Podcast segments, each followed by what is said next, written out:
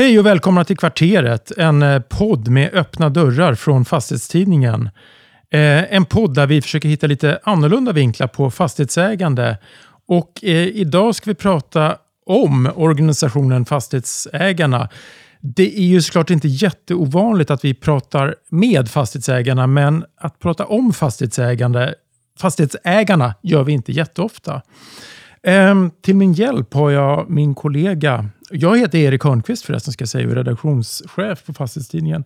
Till min hjälp har jag min kollega David Grossman. Precis, jag sitter också här vid bordet och eh, ska prata om de här frågorna som i för sig har varit nära eh, under lång tid. Vi har ju gjort Fastighetstidningen under rätt många år. Under, Hur många är det? Ja, nu är det väl snart nio år tror jag, ja. sen, sen, vi började med, med att skriva i Fastighetstidningen, eller göra Fastighetstidningen. Och vi har ju haft kontakt väldigt mycket med inte minst Reinhold Lennebo som sitter också här. Ja. Hej.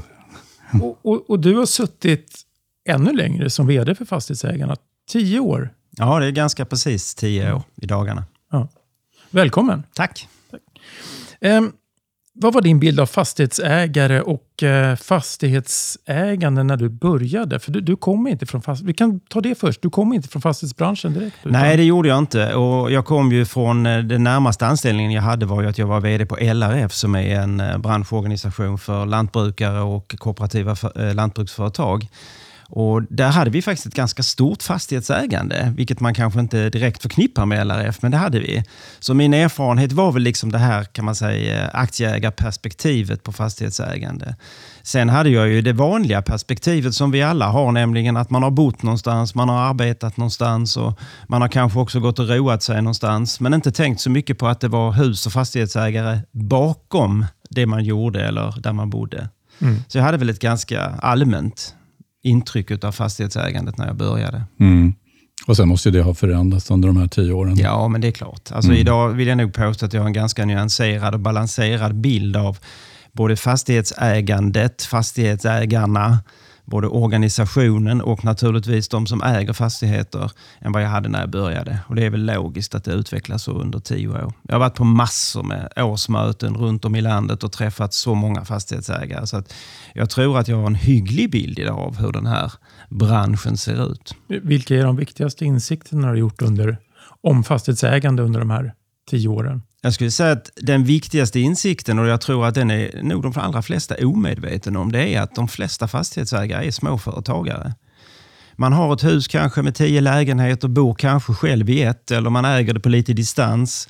Och Många förknippar säkert branschen med det man läser i tidningarna, nämligen om de stora kommersiella fastighetsbolagen. Men eh, branschen är ju helt dominerad av småföretagare. Mm.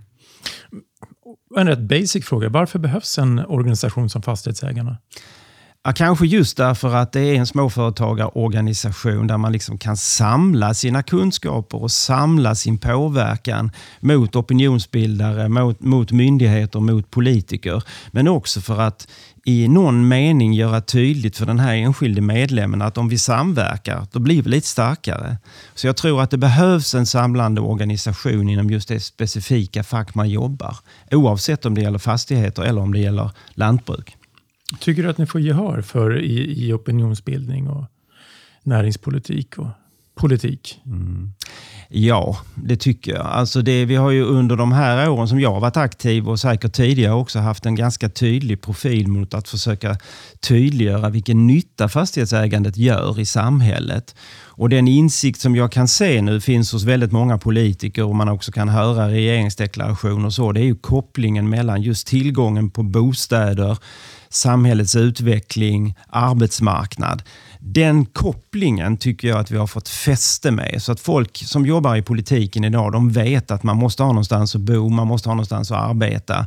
Det finns fastighetsägare som står bakom de husen och att det är kopplat till tillväxt och samhällsutveckling, det är väldigt uppenbart idag. Så jag tycker att vi får gehör, absolut.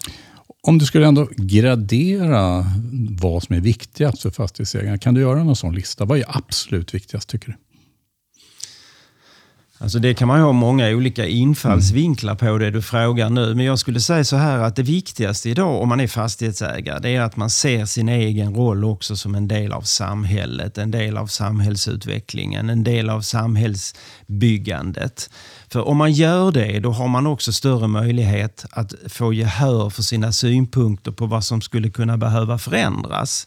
Och Den kopplingen tror jag blir viktig både för trovärdigheten men också för hur vi som samhälle utvecklas. Och utvecklas samhället, då är det väldigt bra för fastighetsägare.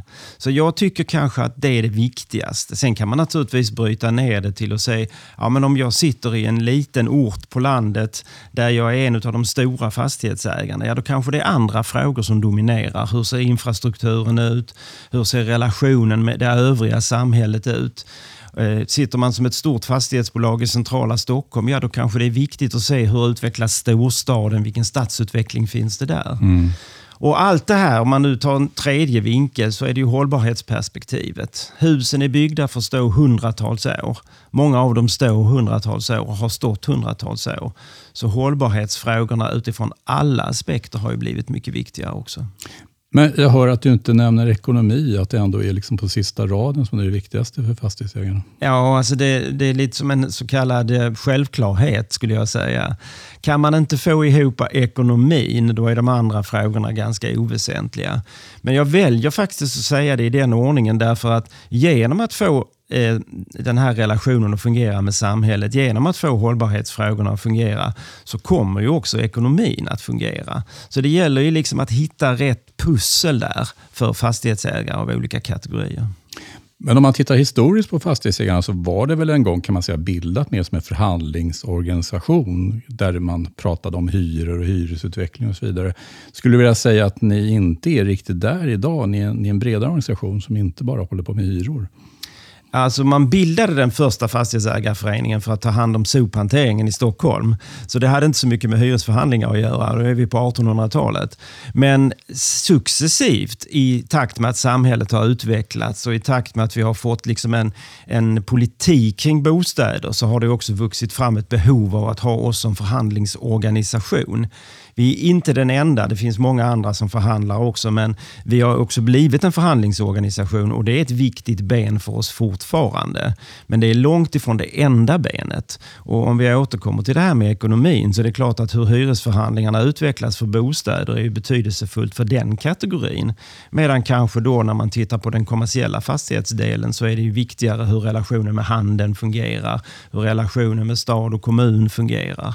Så att det är ett lite bredare skop idag när vi sysslade med sopor från, från mm. 1800-talets slut. Ja, absolut.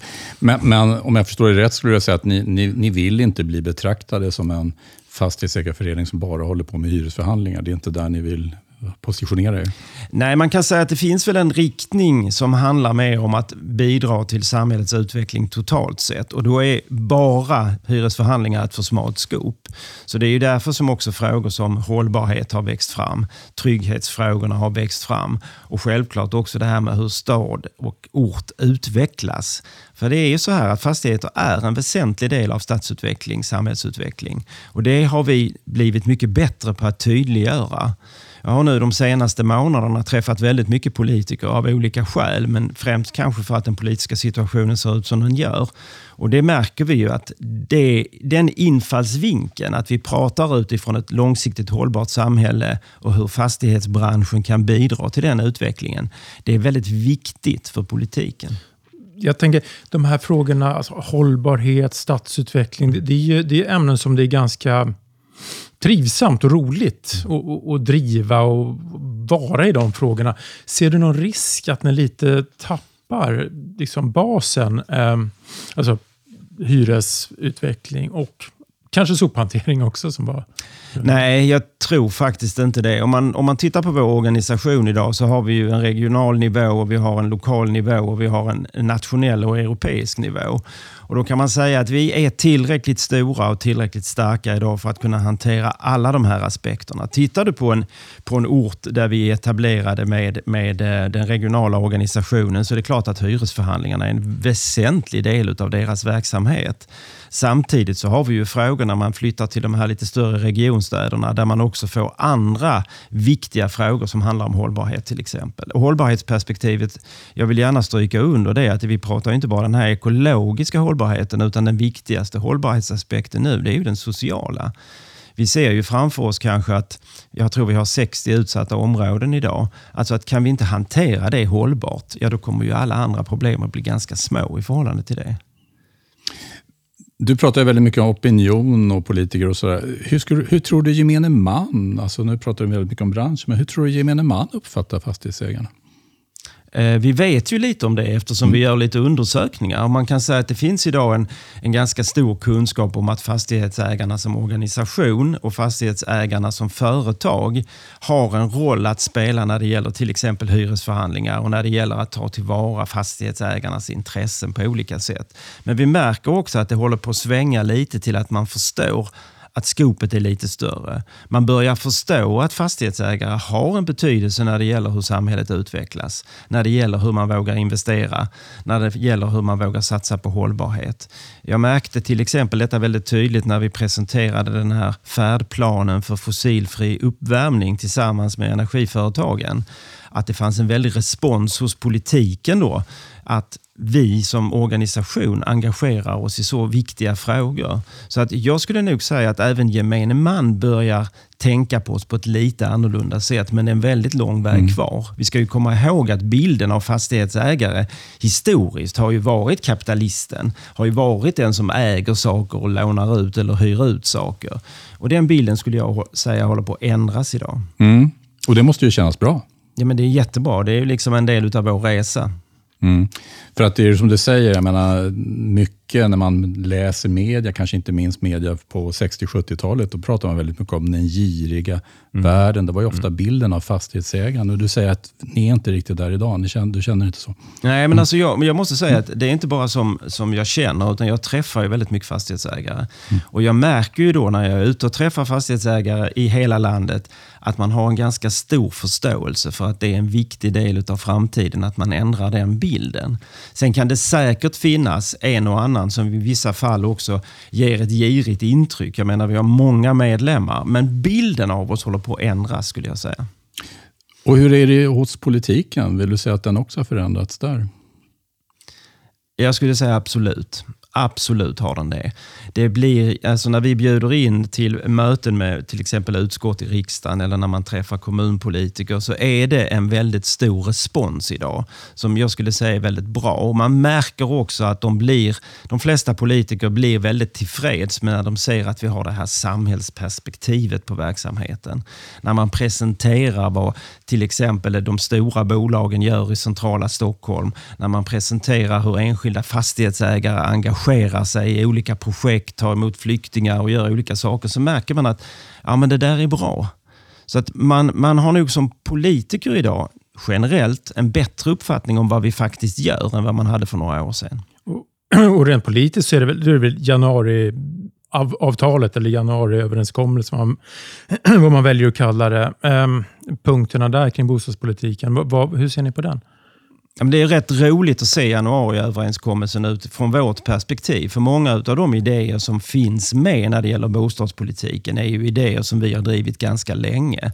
Så från det perspektivet är det väldigt roligt att se att man pratar om ett bättre fungerande förhandlingssystem. Man pratar om en friare hyressättning i nyproduktion. Man pratar om lägets betydelse. Alltså frågor som vi har drivit ganska länge. De har nu fått fäste på den politiska agendan. Men samtidigt vill jag gärna stryka under att än så länge är det bara en punkt i en överenskommelse.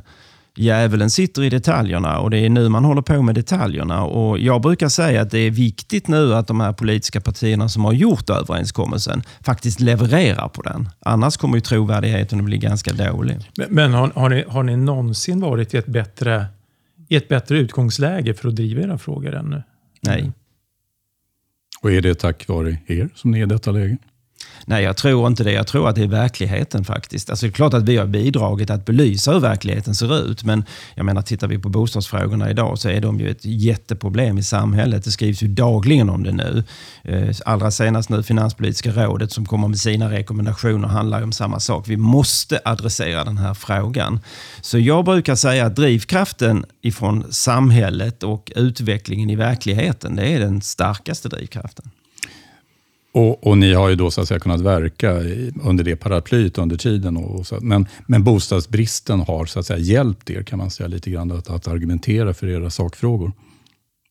Så skulle inte jag uttrycka det faktiskt. Men däremot är det så att verkligheten som, så som den ser ut innebär ju faktiskt att folk funderar och även politiker funderar på hur man ska lösa den situationen som är. Inte minst för de som är svagast i samhället. Och det är klart att den verkligheten har i någon mening också underlättat för de linjer vi har drivit. Så är det ju. För att nu är det ju ändå så att man nästan kan tycka att ni har ju gehör för frågor till exempel om avreglerad hyra inom ett rätt stort spektra av politiken idag, vilket ju inte var för tio år sedan när du började. Ja, men det stämmer. Det är, jag tror att och det jag tror att verkligheten är en drivkraft, men också kanske att vi har jobbat på ett sätt med de här frågorna som har väckt en del respekt hos politiken. Det skulle jag säga. Men här behöver vi reda ut lite, för ni, ni mm. pratar inte gärna om marknadshyror, utan, men ni vill ha en friare hyressättning. Mm. Vad, vad, är skillnaden? Ja, men det är en jättestor skillnad. Alltså marknadshyror är det begreppet som, som man gärna klistrar på oss att vi driver. Det är ju en linje som vi inte alls tror på. Den, den eh, väg vi har valt att gå är ju den som är politiskt möjlig. Det vill säga att vi kommer inte att få en totalt avreglerad marknad. Vi kommer inte att få en fri hyressättning överallt, utan det kommer att finnas regleringar. Och Då har vi sagt att okej, okay, givet de förutsättningarna så behöver vi anpassa våra intentioner kring hur vi ska ta oss fram. Och Då handlar det om en friare hyressättning, friare avtalsrätt, möjligheter att inom ramen för det nuvarande förhandlingssystemet förhandla på ett bättre sätt förhandla på likartade villkor utan veto för den ena parten. Att ta de frågorna framåt är viktigare för oss än att driva marknadshyror. Och inte, jag menar inte ens egentligen på, på den kommersiella sidan har man fria marknadshyror utan det finns ju besittningsskydd och regler. Och Det tycker vi är viktigt. Så att jag är väldigt noga på att skilja marknadshyror från att vi behöver en friare hyressättning. Men hur ser det ut hos era medlemmar? Där kan man ju ändå ibland höra att ja, men vi ska ha självklart en helt fri hyra och sen är det andra som säger kanske mer att nej, den måste bara liksom avregleras i viss punkt. Har ni gehör för er linje tycker du hos era medlemmar? Jag bedömer nog att vi har en väldigt bra, ett bra gehör. Men det handlar ju om pedagogik. Att förklara att den här fria hyressättningen, där du själv kan bestämma din hyra till, en, till någon som ska flytta in i din lägenhet. Det kommer inte att finnas på den politiska kartan i Sverige. Och när man väl har kommit dit och folk börjar inse det, ja men då blir det också rimligt att man tänker, ja men okej, vad kan vi då få? Hur långt kan vi komma? Så att i, i min värld och det som vi har jobbat med de senaste åren framför allt, att liksom just belysa det här att vi kan drömma om en fri hyressättning, men det kommer inte att bli så. Utan det som kommer att ske är att vi kan liberalisera den nuvarande regleringen. Och då ska vi se till att den liberaliseras på ett bra sätt som gynnar våra medlemmar. Men önsketänkandet skulle ändå vara en helt fri eh, marknad? Nej, jag, alltså, eh, nu får jag bli lite personlig här, men jag, mm. jag, tror inte att det svenska samhället som vi har byggt upp det idag skulle klara det. Utan jag tror att vi behöver ha en viss form av reglering på den här marknaden. Sen kan den regleringen vara tyngre eller lättare och jag skulle ju föredra att det är en lättare reglering då. Men det finns inte så mycket som tyder på att vi skulle vinna jättemycket på en helt fri hyressättning. Eh, ja, det blir ju bättre för de som har väldigt fina lägenheter som kan hyra ut dem till ett högre pris. Men det kanske inte alla era medlemmar som, som gynnas av det. Alltså jag tror dessutom det är så här att när det gäller de allra finaste lägenheterna i de allra bästa lägena så är hyran idag egentligen där konsumenter klarar att betala den. Så att jag tror inte heller att vi kommer liksom rusa iväg. Om man får en friare hyressättning, en mindre reglering, så kommer man ju inte att få väsentligt högre hyror. Mm. Vad man däremot kan få, och det tror jag är bra, det är att man kan få en friare avtalsrätt. Så att man vet att det vi kommer överens om, det kommer att hålla. Det kan inte komma en hyresnämnd sen och säga att Nej, men du måste sänka hyran med 10% Utan en friare avtalsrätt kommer att innebära att det är goda möjligheter för våra medlemmar att utveckla fastighetsägandet. Det är goda möjligheter för investerarkapital att lockas till hyresbranschen. Och Det tror jag är viktigt mm. för samhällets utveckling. Men kan det inte vara lite knepigt? Jag tänker, ni har ju som du själv säger väldigt olika typer av medlemmar och även på bostadssidan. Allt från små medlemmar med bara några lägenheter och som kanske ligger i landsbygd eller, eller till och med i någonting som inte har tillväxt. Och Sen har ni de stora ägarna kanske av finare lägenheter i, i Stockholm eller Stockholms innerstad. Kan de enas kring vad de vill ha för typer av hyror? För de ena kanske säger att ja, men det är väl bra vi har bruksvärden. De håller ju uppe hyrorna medan de andra säger nej men de här håller ju tillbaka hyrorna. Förstår du? De, Mm. Man är inte på samma spelplan. Ja, men jag förstår din fråga och jag tror att det där är någonting som vi som organisation måste lära oss att leva med. Antingen så är vi en, en organisation för fastighetsbranschen och då måste vi hantera det. Eller också får vi välja att vi väljer bort vissa kategorier. Vi har helt klart valt att vi är branschorganisation. Och då är det ju på det viset att här handlar det väldigt mycket om pedagogik och det är väldigt mycket fotarbete. Att förklara för medlemmarna, ja, men med de situationer som vi har idag så kan vi bygga vår argumentation på ett visst sätt som leder till vissa kortsiktiga eller långsiktiga resultat i lobbyarbete. Och lobbyarbete är väldigt långsiktigt och dess bättre är ju fastighetsägandet också långsiktigt. Men vi, jag tror aldrig att vi kan få till exempel de stora kommersiella fastighetsbolagen som sysslar med, med eh, eh, kontor och butiker att ha samma inställning kring hur vi ska jobba på frågorna som den enskilde Enkan Pettersson i Flen som kanske har sex lägenheter. Men däremot så kan vi erbjuda olika tjänster till dem. Ja, just det. Mm. Jag tänkte Enkan Pettersson, mm. eh, som jag vet inte om hon finns, men får då, händer det att du får samtal från säg Enkan Pettersson, eh, som undrar lite vad, vad, vad, gör ni, varför driver ni det här? Alltså från de, från de mindre medlemmarna som är... Eh, om man tittar på det tioårsperspektiv jag har så händer det. Mm. Det händer. Men vad, det, är väldigt, det är väldigt sällan. Mm. Och Jag ska säga, förklara också att det är väldigt sällan därför att det samtalet från Enkan Pettersson i Flen ska fångas upp av den regionala organisationen egentligen. Hon ringer väldigt sällan till mig. Men det som är däremot är mer vanligt det är ju att väldigt små fastighetsägare kan reagera till exempel på taxehöjningar, kan reagera på att elnäten nu har blivit 24 procent dyrare på ett par år. Alltså den typen av monopolhöjningar, det väcker ofta väldigt mycket reaktioner hos mindre fastighetsägare också. Den typen av samtal är vanligare. Du är inne på den kommersiella sidan och rätt mycket förknippas ni, i alla fall i debatten, med bostadsfrågor. Men, men det är väl så att ja, hälften av era medlemmar sysslar kanske bara med kommersiella fastigheter. Ja, alltså det har ändrat sig de senaste åren skulle jag säga. Om jag tittar på mina engagemang som jag är publik med. Eh, en del av det vi gör, gör vi ju det tysta. Men tittar man nu på sista tiden så handlar det ju väldigt mycket om handelns relation med stora fastighetsägare. Där ju de stora fastighetsägarna tycker det är väldigt skönt att ha en organisation som kan föra deras talan. Och där tror jag vi kommer att bli ännu mer tydliga genom åren. Därför att vi behöver vara även de stora kommersiella fastighetsbolagens röst och de inser det. Så att jag tror faktiskt att du har lite fel när du säger så. Jag tror att det kommer att bli en bra synlighet även i andra frågor. Men historiskt så har vi ju förknippats med bostadspolitik därför att bostadspolitik är så viktig för de av våra medlemmar som har bostäder. Men om man tittar på branschperspektivet så är det andra frågor som är viktiga. Hur kommer vi överens med våra kunder? Hur utvecklar vi städer? Hur jobbar vi med hållbarhet? Och Det styrs av lite andra drivkrafter. Men vad får en stor kommersiell ägare ut av att vara medlem i Fastighetsägarna? Jag tror att det viktigaste de får ut det är att de känner att de tillsammans får hjälp att driva frågor som de inte kan driva på egen hand gentemot till exempel EU, gentemot riksdag och regering, gentemot myndigheter. Kan du ge exempel på det? Ja, det bästa exemplet skulle jag säga det är en av våra stora framgångar de senaste åren. När Företagsskattekommittén kom med sitt betänkande för tre, fyra år sedan. Och det betänkandet var egentligen helt och hållet inriktat på att fastighetsbranschen, de kommersiella fastighetsägarna, skulle betala den skattesänkning man gjorde på bolagsskatten. Då engagerade vi oss väldigt hårt i det och vi hade också väldigt bra stöd från våra kommersiella fastighetsägare som stödde oss hela vägen in i mål.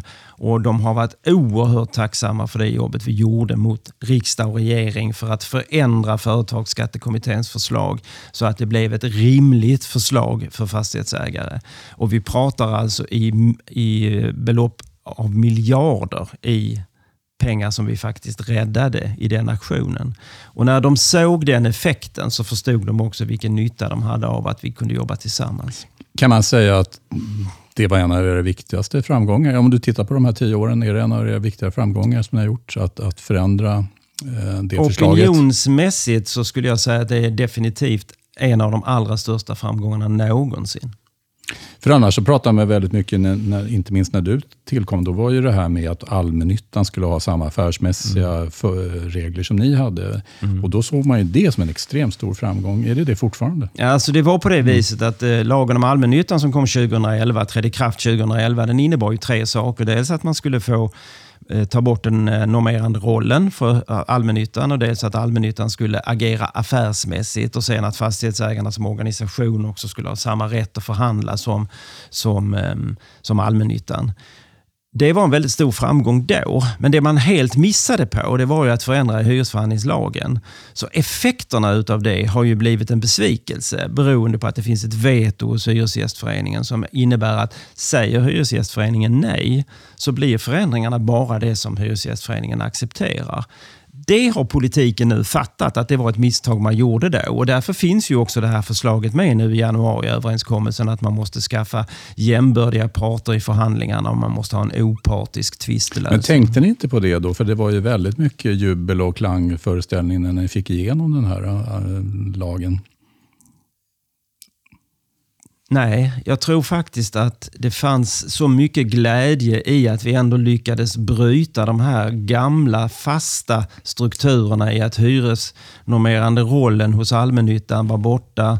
Allmännyttan skulle agera affärsmässigt. Och Det har vi ju sett effekter av. Alltså det finns ju idag tydliga avtryck av den lagstiftningen. Men det som vi missade på, det var att fullt ut se vilka konsekvenser får det här. Och Boverket har ju också i en utredning visat att det har blivit ganska lite effekter utav den eh, omreglering man gjorde då 2011. Och det, jag vill gärna säga det också att det fanns nog en förhoppning hos många medlemmar hos oss att man skulle få en fri hyressättning. Men det, den här lagen handlade aldrig om det. Den handlade bara om att allmännyttans roll ändrades. Så att jag tror att man drog lite för stora konsekvenser. Vi var lite för glada när den lagen gick igenom. Men jag tänker nu när ni pratar väldigt mycket om behovet av att utveckla en social bostadspolitik. Eh, har man inte drivit då allmännyttans affärsmässighet lite väl långt? Behöver vi inte dem som i den rollen de var tidigare?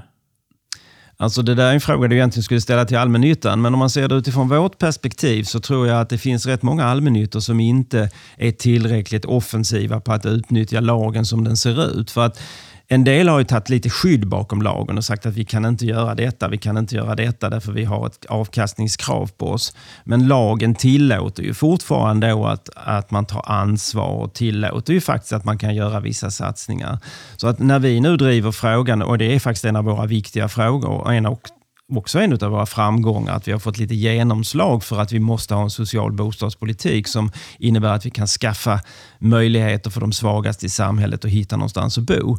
Då är det ju ändå på det viset att där finns det ju ett ansvar för allmännyttan, men det finns också ett ansvar för eh, stora privata aktörer att ta ett ansvar. Så att där är jag nog ute efter att om man förändrar lagstiftningen successivt så ska det innebära att man kan vara ansvarstagande även som en privat fastighetsägare. Men, men det där är en svår pedagogik. Mm. Eh, för det är svårt att förstå. Hur kan man förena er att ni vill ha mer social bostadspolitik, mm. ökat ansvarstagande. Det ska gå att hitta någonstans att bo, även om man inte har så mm. fet plånbok.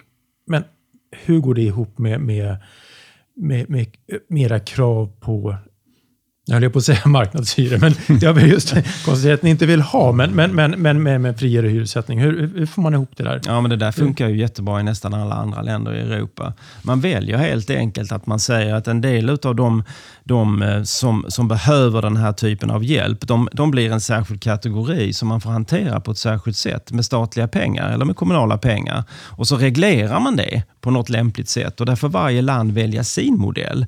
Men vi, det vi gör i Sverige det är ju att vi låtsas som att det inte finns en sån kategori och så ska vi klämma in alla i ett system där vi faktiskt har byggt de senaste åren bara för de som har mest pengar. Och Det är klart att det funkar ju inte, utan då måste vi börja fundera. Kan man lösa det här med någon form av ökade bostadsbidrag? Kan vi lösa det med form av bocheckar så att de som har behov kan få det eh, tillfredsställt utan att man behöver stigmatisera de som har det sämre ställt. Mm. Så det är klart att det går att kombinera. En vanlig kritik som dyker upp då är att men det där gör ni ju bara för att få undan det problemet från, från er spelplan och så kan ni köra på fritt med, med, med, med att höja hyrorna. Mm, så, men det kommer ju inte funka så. Jag sa ju tidigare att den, den hyra vi har idag i nyproduktion, den ligger ju där folk har råd att betala. Så det kommer inte bli speciellt mycket högre hyra även om vi får en friare hyressättning. Men anledningen att vi driver den här frågan, det är ju att om samhället ska fortsätta utvecklas positivt så behöver vi på olika håll i samhället ta ansvar för de som har det svagast. Och Det kan man göra på olika sätt. Och Ett sätt att göra det, det är faktiskt att man öppnar upp för att vi skapar lösningar för de här. Jag kan inte säga hur lösningarna ska se ut. Jag kan inte säga om det ska vara bostadsbidrag. Men jag kan säga en sak. Det kommer att kosta pengar för samhället. Och är vi inte beredda att göra det, då får vi helt andra och större utmaningar. Och de utmaningarna kommer ju att drabba våra medlemmar också. Men rent kommunikationsmässigt, tycker du att är det en svår fråga? Tycker du att det är svårt? Helt ja, ja, men den är svår därför att just det här med att prata om bostäder för de som har det svårast hamnar ofta i en sorts taburegion. Man vill inte prata om det. Och Det gäller ju faktiskt inte bara bostäder, det gäller många andra frågor också. Att vi väljer en svensk modell som ska vara tillämplig för alla. Och det fungerar inte. Och Därför är det svårt och det är svårt pedagogiskt också för den som vågar säga att vi kanske borde skaffa en lösning för de som har det svagast. De blir ofta väldigt utpekade och kritiserade utav systemkramarna. Nu senast fanns det en, en analys från Länsstyrelsen i Stockholm som faktiskt pratar om att vi borde nog hitta lösningar för de som har det svårast. Och så pekar man på att det finns i andra länder lösningar. Så att jag tycker att det är väl också en av våra näringspolitiska framgångar att det här samtalet faktiskt kan föras idag utan att det blir shutdown på diskussionen utan man kan faktiskt prata om det. Rent konkret kommer ju Finanspolitiska ehm, rådet fram till, till ett förslag här nu, eh, som, som de lägger och, och, där de säger i princip att ja visst, det går väl att höja hyran och så får man in, jag tror det var 27 miljarder kronor extra till fastighetsägarna. Men bara 5 miljarder får vara kvar i, hos fastighetsägarna, resten ska gå till bostadsbidrag. Är det ett bra förslag?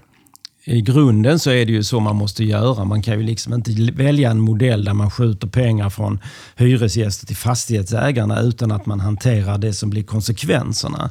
Och Det fanns ju eh, i ett förslag redan på 60-70-talet att man skulle göra det här med hjälp av att motverka de förmögenhetsöverföringar som skulle bli följden av en fri hyressättning. Så att det är klart att man måste hitta en lösning som funkar men, i men samhället. Du, men grundidén tycker du är helt rätt, liksom att, att vad ska vi säga, ta från de rika och ge till de fattiga i det här fallet? Ja, om det nu är så att de rika får mer så är det klart att det är rimligt att vi gör en, en fördelningspolitik kring det här om man ska komma fram. Det tycker jag är rimligt. Mm. Och Sen är det bara att diskutera nivåerna då kring detta? Ja, nivåer mm. men framförallt modeller. Alltså modellerna måste ju vara genomtänkta. Och Där kan man ju säga att en av de stora misstagen som Företagsskattekommittén gjorde, det var ju att man inte blandade in fastighetsbranschen alls i utredningen. Och, och Ska man göra sådana här ändringar så utgår jag ifrån att branschen får vara med och diskutera hur det ska se ut. Alltså vi är inte emot rimliga lösningar som också kommer att innebära ökade kostnader för fastighetsbranschen. Men då ska vi vara med och se till att det blir på ett rimligt sätt. Jag hoppar in och byter lite spår här eh, och pratar hållbarhet och, och stadsutveckling och de, de frågorna. Ehm, jag vet du sa någon gång att, att ni borde ändrat strategi långt tidigare och eh, betonat branschens roll i de här frågorna långt tidigare. Hur går dina tankar där? Man kan ju säga så här att jag har vid något tillfälle tidigare sagt precis det och det håller jag nog fast vid. Vi borde varit snabbare på den bollen. Men det är bättre att vara på bollen nu än att aldrig vara på den.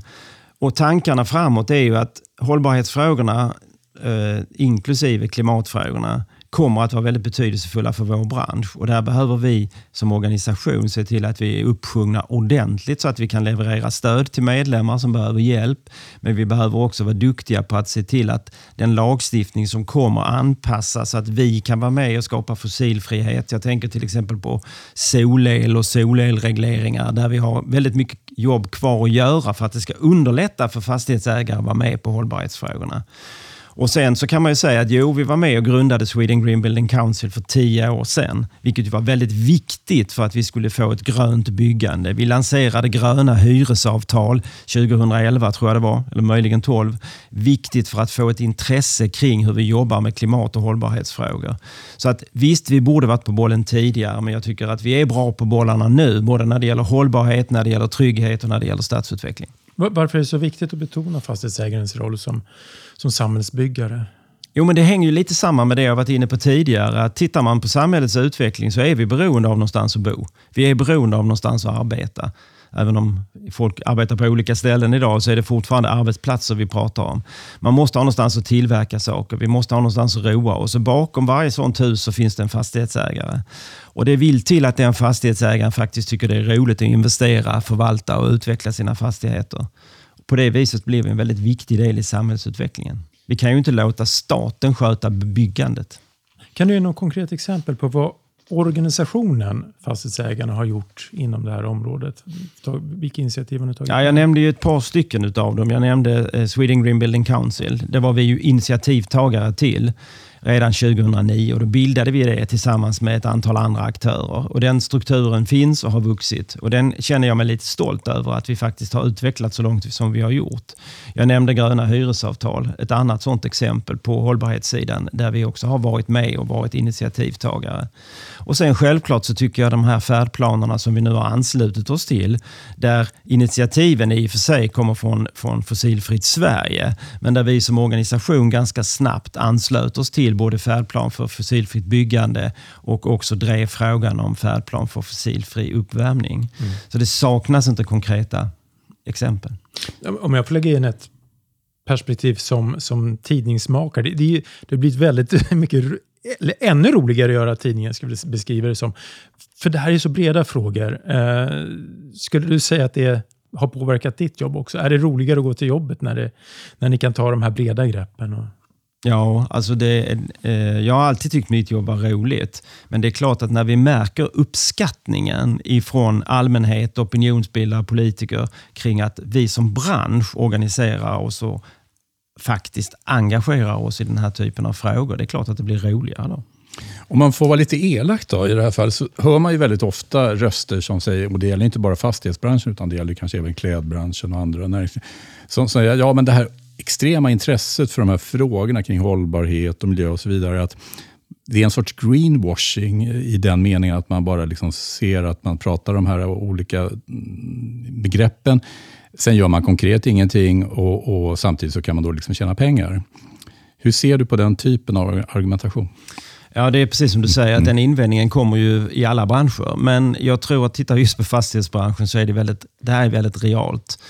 Man har idag kan man säga allt att tjäna på att vara ett hållbart företag, att vara ett hållbart fastighetsbolag. Inte bara imagemässigt utan också rent ekonomiskt. Det finns många undersökningar som visar att kopplar man ihop de här hållbarhetsfrågorna som har med klimat, miljö, elförbrukning, energiförbrukning så tjänar man också pengar. Så att jag, jag skulle säga så här att det finns, det finns säkert de som utnyttjar hållbarhetsbegreppet. Det är jag övertygad om. Men om tittar vi just på fastighetsbranschen så skulle jag säga att det finns så många konkreta åtgärder som är gjorda för att förflytta oss på riktigt. Alltså jag tror vi har minskat våra eh, koldioxidutsläpp sen, eh, 20, nu minns jag inte riktigt året, men de har minskat med 88 procent i modern tid och det är en fantastisk utveckling. Så i vårt fall så skulle jag våga säga att vi pratar om verkliga mm. insatser på hållbarhetsområdet. Och det är ju inom framförallt energieffektivitet och fjärrvärme och så vidare. Samtidigt så har jag förstått att en stor del handlar ju faktiskt om byggnationen av fastigheter. Mm. Det är där som jag, som jag tror jag läste om det var nästan 50-60 procent av all koldioxidutsläpp i världen kommer från byggnation. Mm. Vad sätter ni för krav där?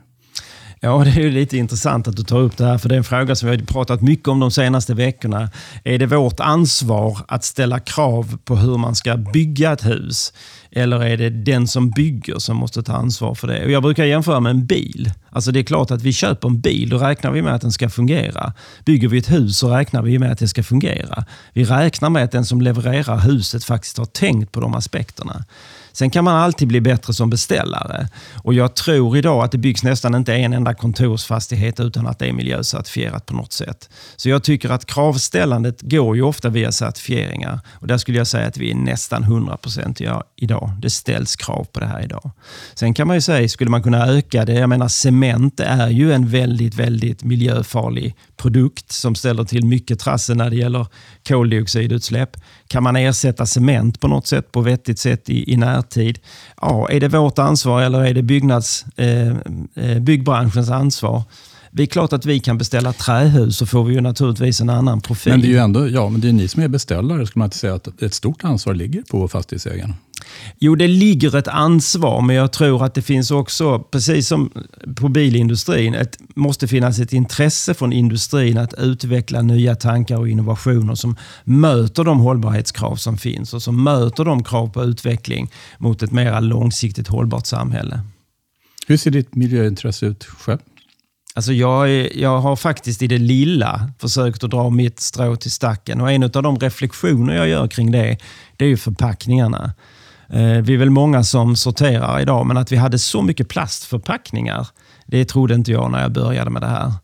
Sen är det också naturligtvis så att jag cyklar. Ju. Jag är ju, försöker vara så mycket cykelburen som möjligt. Så att jag är ganska noga med det i det lilla. Däremot flyger jag fortfarande en hel del därför att mitt jobb i princip kräver det. Det är en jätteintressant fråga, just cykelutvecklingen. Där kan jag tänka mig att det ibland kan bli lite problem med... Det ser olika ut. Vi, här är, sitter vi i Stockholm, det går ganska lätt att cykla. Eh, men, men ute i landet så är det kanske inte alltid lika populärt att, att driva de här mobilitetsfrågorna där man mm. allt mer försöker styra bort ifrån bilsamhället. Ja, det är ju en riktig reflektion. Alltså, vi har ju, Stockholm, Göteborg, Malmö har ju unika förutsättningar när det gäller att utveckla den delen och många andra av våra större städer också. Men vi måste ju också se till att det fungerar i hela landet. Och det är klart att en del samhälle så är man ju bilberoende, så är det ju bara. Mm. Finns det någon risk? Ser du någon risk att, att vi, vi sitter i Stockholm och det, det är väldigt lätt att bli låst vid, vid, vid stor, Stockholm och de andra storstäderna. Så någon risk att vi tappar Om du, om du med vi menar dig själv och några andra? Så Nej, jag menar ni. Nej, för oss är det inte så. Vi är helt och hållet eh, beroende av att vi får rimlig input från våra regioner om vi ska kunna agera. Det är hela vår trovärdighet bygger på det. Så att jag skulle säga att vi är ganska väl medvetna om vad som sker där ute och vi försöker göra våra bedömningar av politiska inspel och utspel baserat på hur det faktiskt fungerar för våra medlemmar i hela landet. Kiruna är ett sådant exempel. Mm. Ja, ni är en medlemsorganisation och du pratar väldigt mycket om, om medlemmarna. Eh, är det fler medlemmar idag än det var när du började? Nej, det är betydligt färre faktiskt. Ja. Jag tror att när jag började så räknade vi till ungefär 21 000 medlemmar och idag har vi ungefär 15 000 medlemmar. Vad har hänt? Har du skrämt bort dem? Ja, jag, jag, tror inte att jag ska tillmäta mig själv en sån stor betydelse i det, men det, det sker ju en strukturomvandling i den här branschen också. Företag blir större, företag köps upp. Antalet fastigheter är ungefär detsamma. Till och med under de senaste åren har antalet fastigheter ökat en del. Så, så eh, i omsättning kan man säga att det är lika stort? Eh, ja, absolut. Mm, absolut. Mm. Men, men det är några som inte är era medlemmar. Jag har förstått när jag har pratat med vissa fastighetsägare som nej, jag är inte medlem i... Och det är rätt stora, inte minst inom den kommersiella sektorn, som inte är medlemmar. Eh, hur ser du på det? Ja, men det är så. Det finns ett antal större fastighetsbolag som inte är medlemmar. Orsakerna kan vara väldigt olika, men en orsak är ju ett institutionellt utländskt ägande där man inte ser mening i att vara engagerad i en mm. nationell organisation. Sen finns det de som tycker att ja, men det där som ni åstadkommer, det får jag ju ändå utan att vara medlem. Så att då kan jag sluta strunta i vara medlem. Och Sen finns det ju naturligtvis de som inte av olika skäl inte vill vara engagerade i den här typen av föreningar som vi har i Sverige. Som väljer att avstå. Det får man ha respekt för. Men jag skulle ändå säga att eh, tittar man på vår lista över de största bolagen så är det ganska få stora bolag som inte är medlemmar. Men känner du att de som ändå gynnas av det ni jobbar med snyltar på er verksamhet? Det gör de ju naturligtvis i någon mening, men det handlar ju mer om solidaritet mellan de olika stora bolagen. Och Det märker vi också nu att det finns ju ett litet ett tryck från, från eh, de som är medlemmar mot de som inte är medlemmar. Att det kanske är en bra idé om vi hjälps åt i det här arbetet. Mm. Så vi har ju den senaste åren fått in lite medlemmar som tidigare valt att inte vara det. Och Sen så har ni ju bostadsrättsföreningar och det kanske man inte märker så ofta att fastighetsägarna också har väldigt många sådana som medlemmar. vad, vad gör ni för dem? Ja, vi har många bostadsrättsföreningar som medlemmar och det är framförallt i Stockholm. Stockholmsföreningen är ju hälften bostadsrättsföreningar och hälften är, är, andra typer av fastighetsägare. Och därför har vi också en väl fungerande organisation för att ta hand om bostadsrättsfrågor. Bland annat ett helt förvaltningsbolag här i Stockholm som jobbar med att förvalta bostadsrättsföreningar. Både teknisk och ekonomisk förvaltning. Och Sen har vi naturligtvis också en, en expertis som jobbar med bostadsrättsfrågor gentemot riksdag, regering och myndigheter. Och just det, och det var det jag tänkte vara inne på. Finns det där så att säga några motsättningar med att jobba mot bostadsrättsföreningar och mot hyreslägenheter? Ja, det finns det. Ja, det finns det. Det finns faktiskt det. Men eh, vi har lärt oss hantera det genom åren. Eh, det har varit många diskussioner kring det. Eh, under mina tio år så tror jag den frågan har varit på agendan flera gånger. Är det rimligt att ha både hyresfastighetsägare och bostadsrättsfastighetsägare i samma organisation?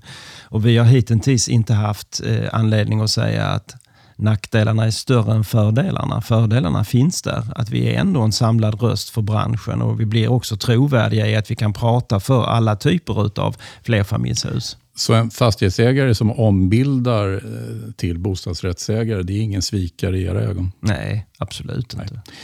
Eh, du, eh, jag tror vi ska avrunda lite här. Ja, vi, vi gör det. Hur länge kommer du sitta kvar som vd? Alltså jag har ju fyllt 65, så man kan väl säga att min tid är på upphällningen. Och vi för ju en dialog, jag och styrelsen, kring hur den ersättningen ska göras. Så jag kommer inte sitta kvar jättelänge. Nej. Vad, vad tänker du göra sen? Jag ska inte mata duvorna i stadsparken. Det är min plan. Men jag har inga konkreta planer. Men, men du är engagerad i väldigt mycket vet jag, så att det finns väl saker och ting. Du, du orienterar, du sitter i styrelsen för en Friskis och Svettis. Mm. Alltså fritidssysslor har jag så det räcker. Det är ingen tvekan om det. Men det vore roligt att jobba med något professionellt också efter det här uppdraget. Ja, då får vi tacka Reinhold Lennebo jättemycket för att du kom hit på ditt tioårsjubileum och så får vi se om vi möts på 11-årsjubileet också. Tack ska du ha. Tack.